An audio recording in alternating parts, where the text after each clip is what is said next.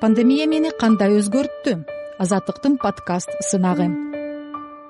Июнь айынын аягынан тарта мына ушул күнгө чейин элибиз өтө оор кыйын турмушту башынан кечирип атат.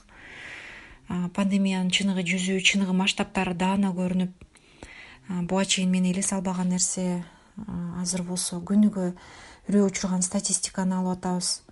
Беш жүздөн жети жүздөн адамдардан ковид чыгып атат пневмониядан эл кырылып аткандай эле сезилип атат. Социалдык тармактарга кирсең дары дармек издегендер ооруканага жете албагандар аптеканын тушунда кезек күткөндөр канча деген адамдарыбыз өтүп кетти арабыз суюлуп атат күндөн күнгө. Жакындардан достордон тааныштардан ар биринин үйүндө бир оор күндөр болуп атат. Канча деген адамдарыбыз өтүп кетти белгилүү адамдар алардын арасында маданият кызматкерлери илим билим жаатында иштегендер аалымыбыз кетип канча деген адамды азага салды. Өлүм менен өмүр күрөшүп кадимки мындай согуш талаасындагыдай эле көрүнүш болуп атат. Болуш керек да.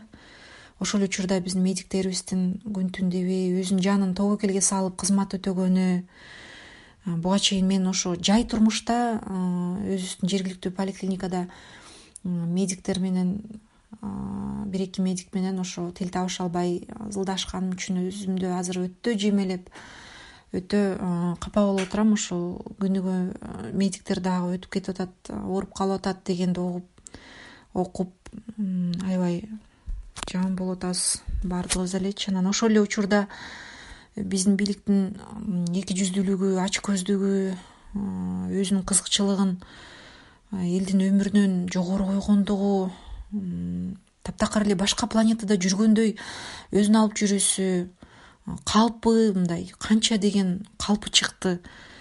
Ошол нерсе ыза кылып кабырганы кайыштыра турган нерсе болуп атат да бул жердечи. Биз болсо өзүбүздүн үй бүлөбүз. Ар бир менин тааныштарымдан жакындарымдын туугандарымдын ар бирин ар биринин үйүндө ошол ооругандар болду. Биз болсо үй бүлөбүз менен ооруп чыктык. Жеңил эле формасы менен оорудук окшойт. Жакшы болуп калдык. Бирок ошо кайненем менен жолдошум күндүзгү стационарга кире албай койду. Ал жерде эл аябай көп экен. Эшиктен адамдар жыгылып атат дейт.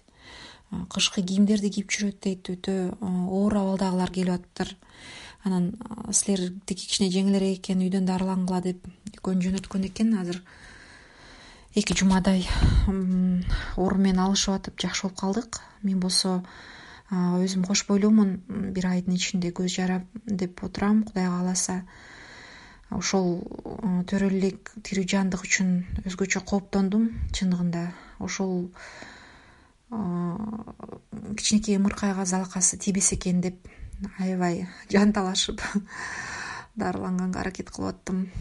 Азыр деле бирок кепилдик жок эч кандай кош бойлуулар жаңы төрөгөндөр аярылуу катмарга кирип калат экен. Илетке чалдыгуу чалдыгып калышы ыктымал экен толук.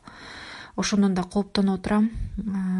Өзүм болсо кесибим журналист эки үч редакция үчүн макала даярдайм. Күнүгө жаңылыктарды окумай күнүгө статистиканы карамай айрым жаңылыктарды окуганда көз жашың өзүнөн өзү эле агат бүгүн дагы ошо студент кыздын өтүп кеткени тууралуу макаланы окуп аябай жаман болдум. Кесиптештерим кадимкидей эле бооздоп ыйлады. Жапжаш кыз экен токсон сегизинчи жылкы ошол жумушунан жумушунан жанагы костюмдарды кийип жүрөгү чыдабай. Кесиптештеринин айтымында ал ошол жаны кыйналып калган экен да ошо он эки күндөн бери иштеп жүрүп. Өтө суук кабар болду бул да мен үчүн. Азыркыга чейин баягы эртең менен окугандан бери азыркыга чейин өзүмө келе албай турам. Кээ бир адамдар үчүн ата энесин ойлоп ал кыздын кесиптештеринин сүйлөгөнүн көрүп аябай зээним кээйди чындыгында. Эң негизгиси ушул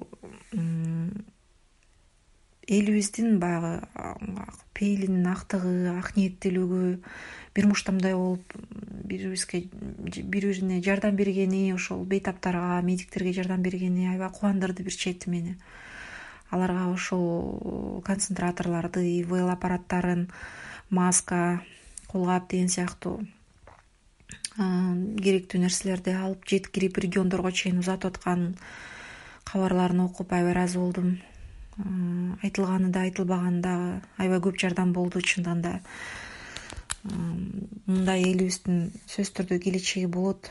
Анан эң негизгиси бул пандемия мени эмнеге үйрөттү? Бул аманчылык эң баарынан кымбат экенин сездим тойдум. Жакындарымдын бир туугандарымдын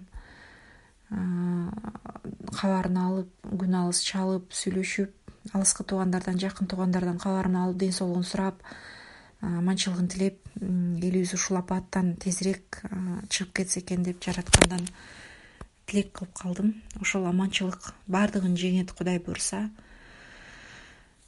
бул күндөр дагы өтөт. Пандемия мени кандай өзгөрттү? Азаттыктын подкаст сынагы